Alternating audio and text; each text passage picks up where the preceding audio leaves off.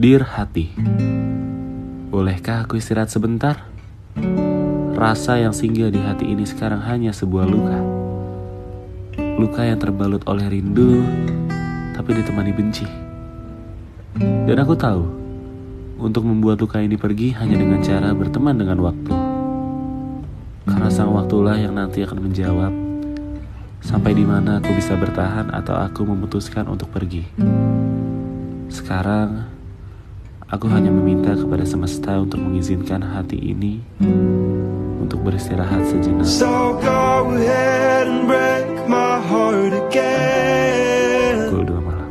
Leave me wondering why the hell I ever let you in to love someone who lets you break them twice.